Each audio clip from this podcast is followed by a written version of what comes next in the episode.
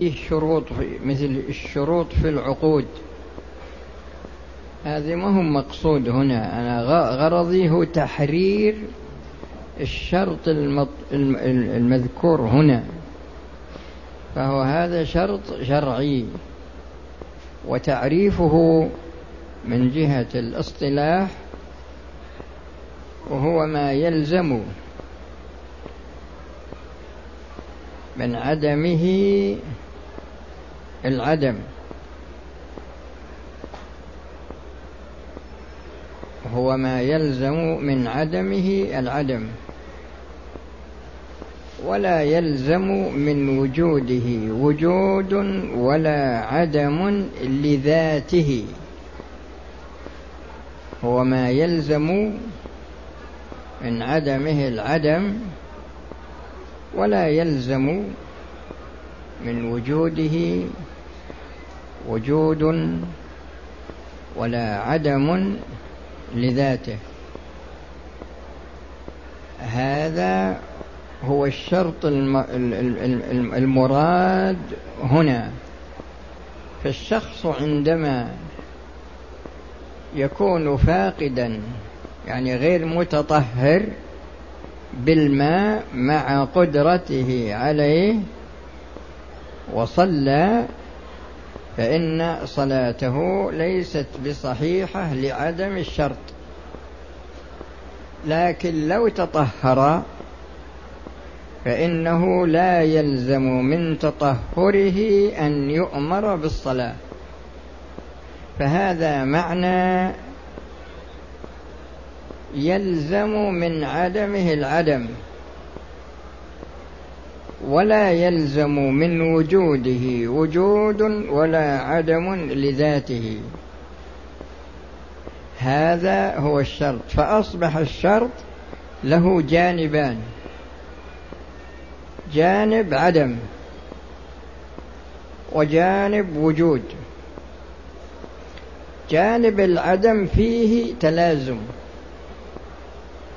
وجانب الوجود ليس فيه تلازم بين الشرط والمشروط له.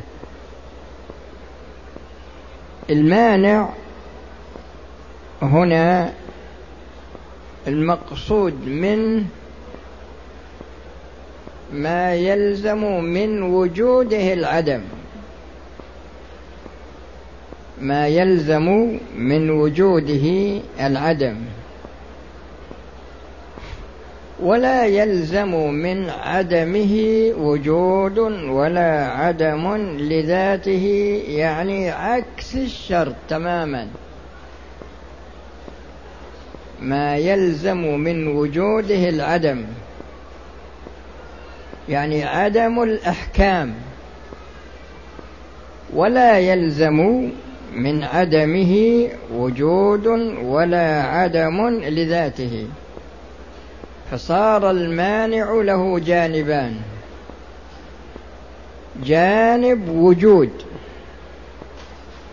وجانب عدم.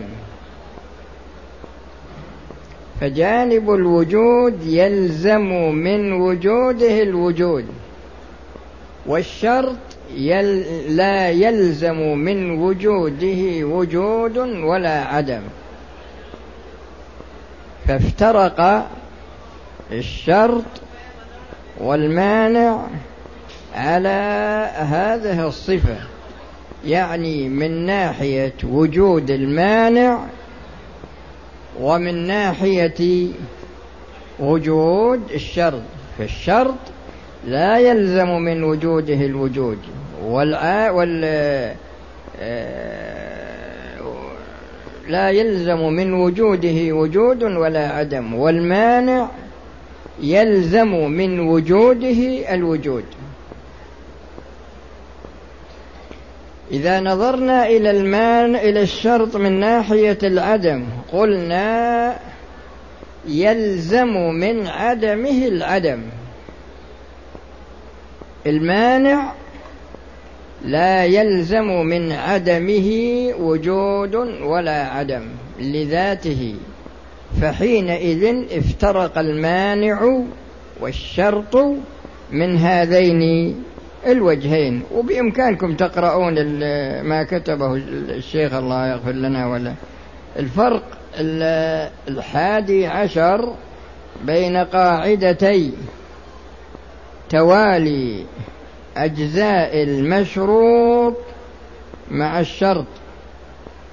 وبين توالي المسببات مع الأسباب. المقصود من هذا الفرق هو أن يأتي جملتان مثلا أو أكثر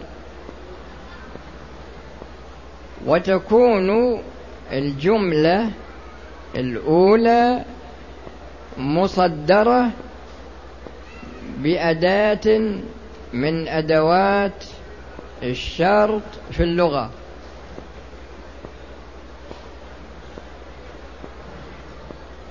الجملة الأولى مقترنة بأداة الشرط. الجملة التي بعدها معطوفة عليها. الجملة التي بعدها معطوفة عليها.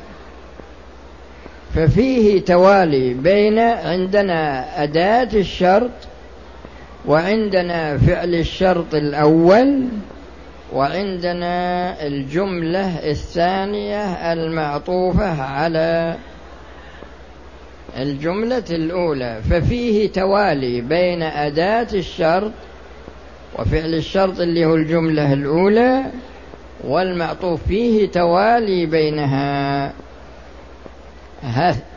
هذا بالنظر إلى صورة آه، توالي المشروط مع أجزاء المشروط. هو قال أجزاء المشروط بالنظر إلى الجمل. آه، توالي الأسباب مع المسببات. هذه جمل ما تقترن الجملة الأولى ما اقترنت بأداة الشرط.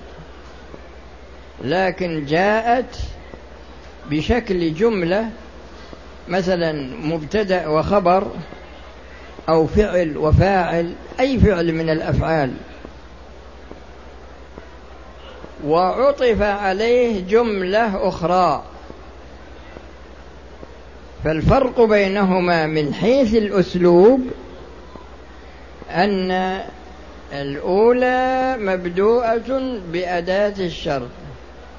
والثانية خالية من أداة الشرط فسمينا الأسلوب الأول أجزاء المشروط مع الشرط. الشرط اللي هو الأداة. هو الأداة. والثاني لما خلا من أداة الشرط سميناه سبب. ويرتب المسبب عليه. هو يقول هنا فإذا قال إن تزوجتك فأنت طالق. هذه الجملة الأولى وأداة الشرط هي كلمة إن. وأنت علي كظهر أمي فتزوجها. تزوجها.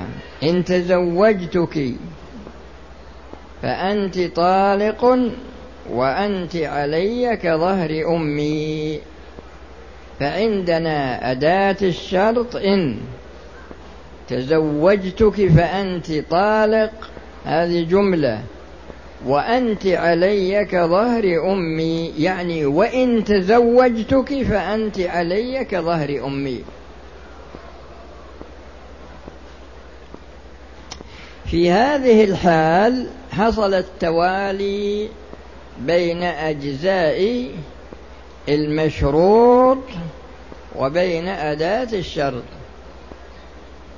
النتيجة ما هي؟ النتيجة يقع الطلاق من جهة تبين منه ويكون مظاهرا منها فلا يعقد علي له عليها إلا بعد أن يعتق رقبة فإن لم يستطع يصوم شهرين متتابعين فإن لم يستطع فإنه يطعم ستين مسكينا.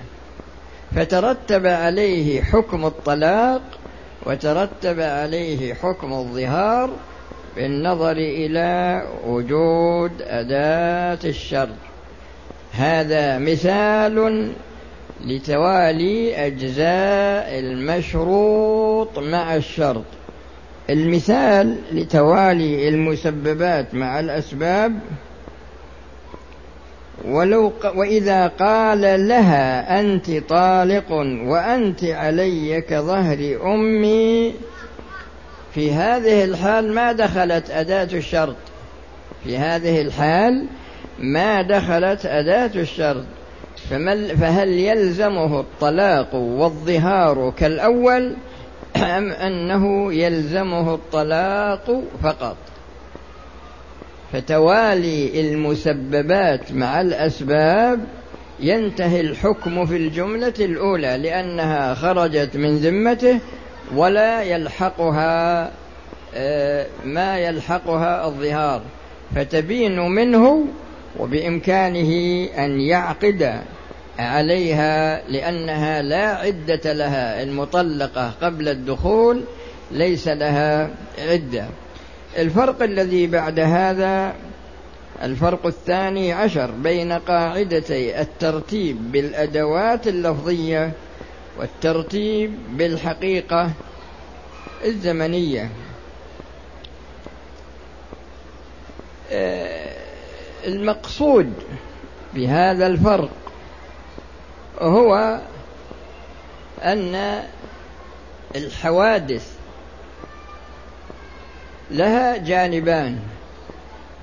الجانب الأول خضوع هذه الحوادث للزمن حسب ترتيبه. ولا يتمكن الإنسان بأن يتصرف في تغيير الزمن. ففيه ترتيب للحوادث بحسب مرور الزمن عليها. والزمن كما تعلمون الزمن سيال ولهذا تجد فيه الثواني وأجزاء الثانية والدقائق يعني والساعات وهكذا. فتجدون إن أجزائه سيالة. ففيه, ففيه حوادث تحدث وتكون هذه الحوادث خاضعة للترتيب الزمني ولا يمكن للشخص أن يتصرف فيها لا يقدم ولا يؤخر. هذا نظام من الكلام. النظام الثاني هو الترتيب بالأدوات اللفظية. ترتيب بالأدوات اللفظية مثل الترتيب بأدوات العطف. مثل الترتيب بأدوات العطف. عندما تقول مثلا جاء زيد ثم عمرو. هذا ترتيب لفظي يعني الترتيب الخاضع لأسلوب اللغة. جميع أدوات الترتيب الموجودة في اللغة هي تأتي هنا لكن ترتيب لفظي ما هو بترتيب زمني. فهو هنا يريد أن ينبه على الفرق بين أدوات الترتيب الزمني وبين أدوات الترتيب اللفظي. يقول هنا قد التبس الفرق بينهما على جمع كثير من الفضلاء إلى إلى أن قال وتقرير الفرق أن الزمان أجزاؤه سيالة مترتبة بذاتها عقلا مستحيلة الاجتماع. يعني ما يمكن أن العصر يكون بعد الظهر ولا المغرب بعد العصر وهكذا. فالحوادث التي تحدث صباحا أو مساء أو هذا تجدونها خاضعة لوقوعها في الترتيب الزمني. لكن الثاني هذا اللي هو الترتيب اللفظي لا الترتيب اللفظي هذا تجدون أن كما ذكرت لكم فيه مثل أدوات العطف لأن كثير هو.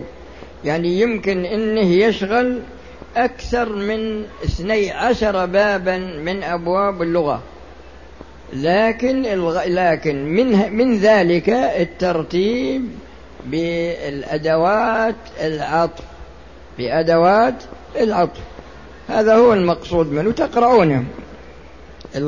في أمثلة وفي أشياء كثيرة لكن تقرؤونها المهم هو بيان الفرق. الفرق الذي بعد هذا بين الفرق الثالث عشر بين قاعدتي فرض الكفاية وفرض العين. وضابط كل واحد منهما وتحقيقه بحيث لا يلتبس بغيره. آه، فرض العين فيه جانبان. جانب من جهة الشارع وجانب من جهة المكلف. الجانب الذي من جهة الشارع هو الأمر والنهي والذي من جهة المكلف أن هذا الأمر والنهي متجه إليه عينا. فالعمل مطلوب من هذا الشخص بعينه. ما هو بالعمل مطلوب فقط؟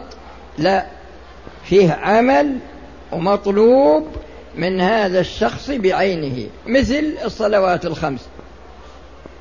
ما يمكن أحد يصلي عن أحد. ما يمكن أحد يصلي عن أحد.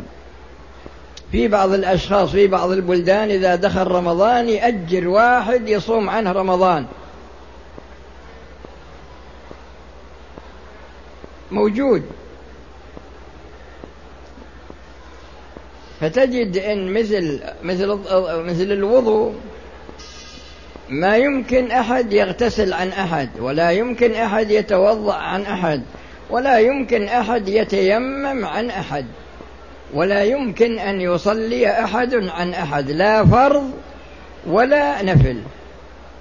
ومثل الصيام ومثل الحج يعني الحج تجوز النيابة فيه لكن بشروط. لكن بشروط.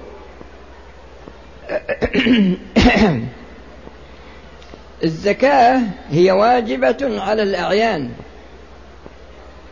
وتدخلها النيابة. لو أن شخصا وكل شخصا يخرج زكاة ماله جاز له ذلك. لكن يوكل شخصا يصلي عنه يوكل شخصا يصوم عنه هذا لا.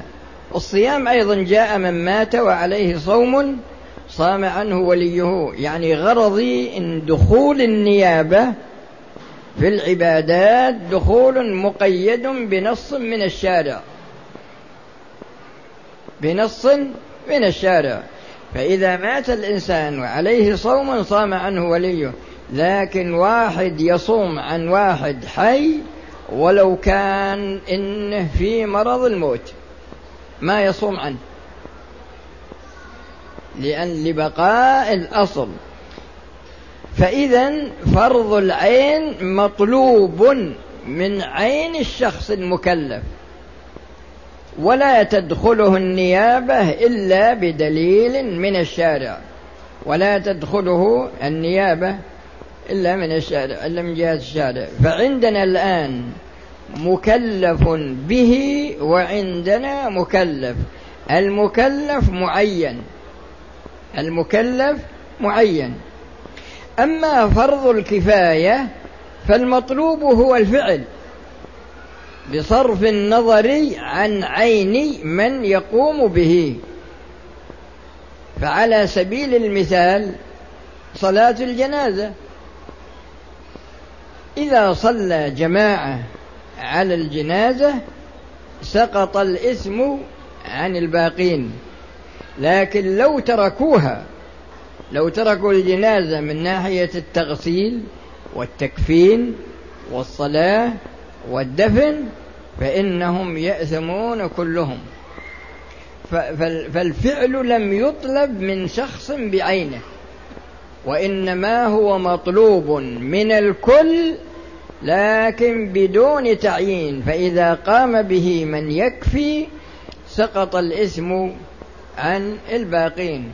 وهكذا بالنظر إلى الجهاد في بعض صوره فإنه من فروض الكفاية. وهكذا المهم هو أن الشخص يعرف الفرق بين فرض العين وبين فرض الكفاية. وفي يعني مسائل ترجعون إليها. الفرق الرابع عشر بين قاعدتي المشقة المسقطة للعبادة والمشقة التي لا تسقطها. آه، الشريعة تجدون أنها تنقسم إلى يعني فروعها عزائم هذا هو الأصل فيها. الأصل في الشريعة العزائم. والعزيمة ما ثبتت على وفق دليل شرعي خال عن معارض راجح. ما ثبتت على وفق دليل شرعي خال عن معارض راجح. ما ثبتت على وفق دليل شرعي خال عن معارض راجح والرخصة وهو الجانب الثاني ما ثبتت على خلاف. ما ثبتت على خلاف. دليل شرعي لمعارض راجح. ما ثبتت على خلاف دليل شرعي لمعارض الراجح. فننظر مثلا في الطهارة. فيها عزيمة آه، الغسل والوضوء. وفيه رخصة وهو مسألة التيمم عند فقد الماء عند فقد الماء أو التضرر باستعماله. وعندنا مثلا المسح على الخفين للمقيم والمسح على الخفين للمسافر. وعندنا مثلا المسح على الجبيرة فالتيمم والمسح على الخفين وكذلك المسح على الجبيرة كل هذه تسمى رخصة وهي مخالفة للأصل وهي مخالفة للأصل. إذا نظرنا إلى الصلاة وجدنا فيها القصر ووجدنا فيها الجمع ووجدنا فيها صلاة الخوف وجدنا فيها صلاة الخوف.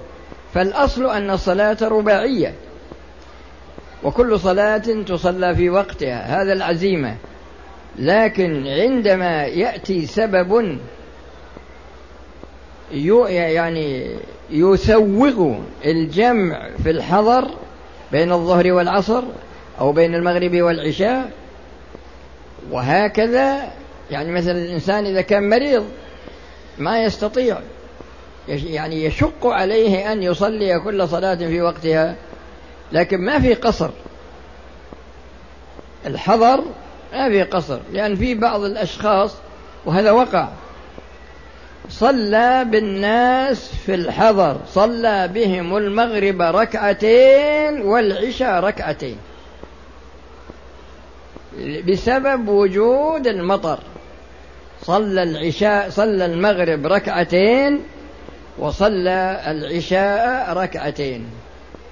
إيه فالمقصود إن الحضر فيه الجمع لكن ليس فيه القصر ومن المعلوم أن المغرب لا تقصر. لا حضرا ولا سفرا لكن كل إناء ينضح بما فيه. في السفر فيه القصر وفيه الجمع وفيه صلاة الخوف. كل هذه تجدون أنها رخص في مقابل العزيمة.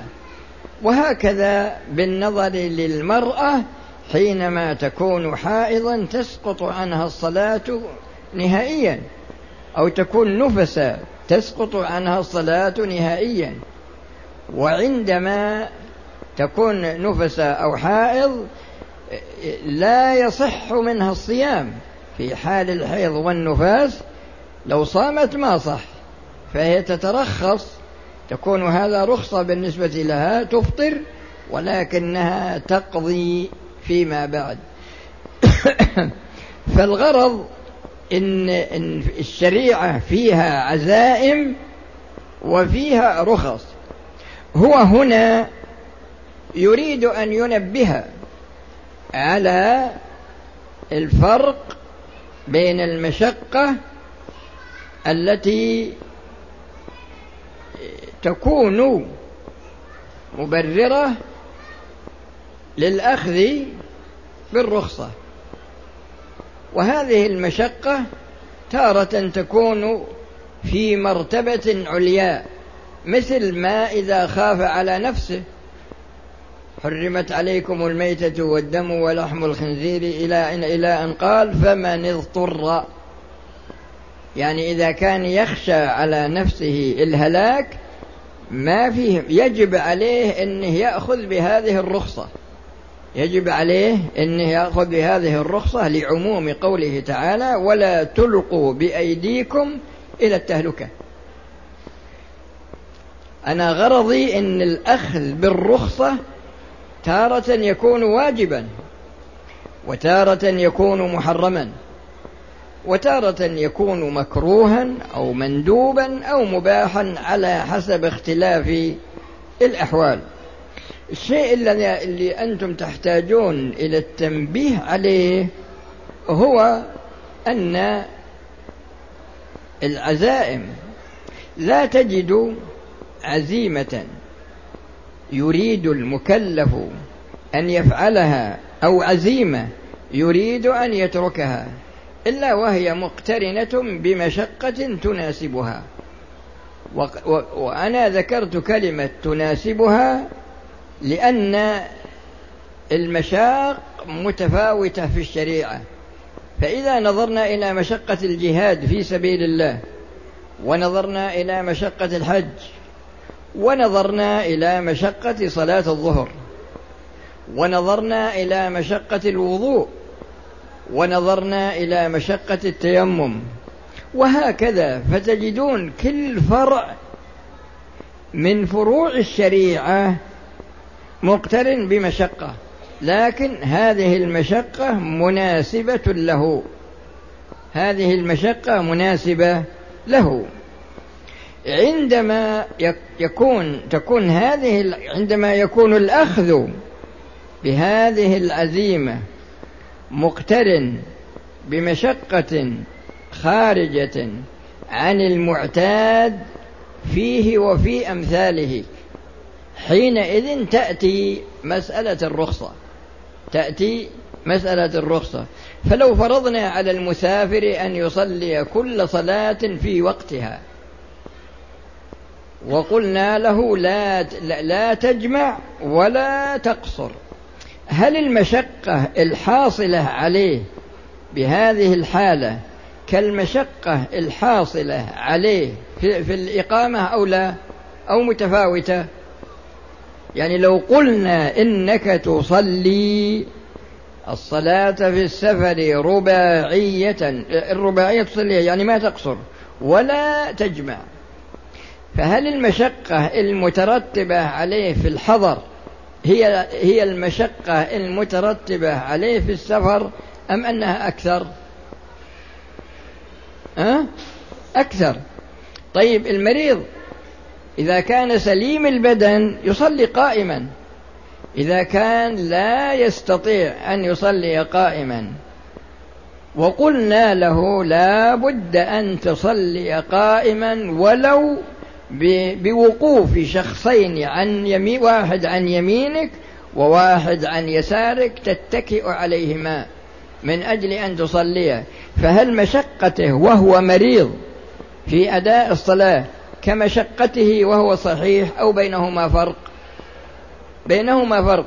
وعلى هذا الأساس تقارن الرخصة بالعزيمة من ناحية التفاوت في المشقة. ولهذا تجدون أن الله سبحانه وتعالى شرع الرخص لما كان الأخذ بالعزائم يشتمل على مشقة خارجة عن المعتاد وكل مشقة فرع بحسبه إن كان رخصة أو كان ماذا أو كان عزيمة. وتقرؤون اللي ذكر الشيخ لكن هذا هو أصل الموضوع. الفرق الذي بعد هذا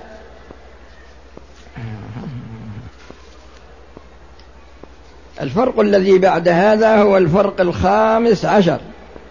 بين قاعدة الأمر المطلق وقاعدة مطلق الأمر وكذلك الحرج المطلق ومطلق الحرج والعلم المطلق ومطلق العلم والبيع المطلق ومطلق البيع وجميع هذه النظائر.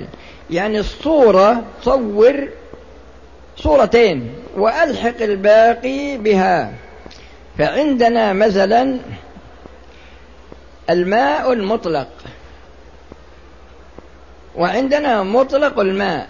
هل فيه اختلال في ترتيب الكلام ولا الكلام ولا ترتيب الكلام في الجملة الأولى وفي الثانية سواء؟ الماء المطلق ومطلق الماء. هل فيه اختلاف في الترتيب وإلا متحد؟ أه؟ مختلف تماما. وعلى هذا المسار العلم المطلق ومطلق العلم والبيع المطلق ومطلق البيع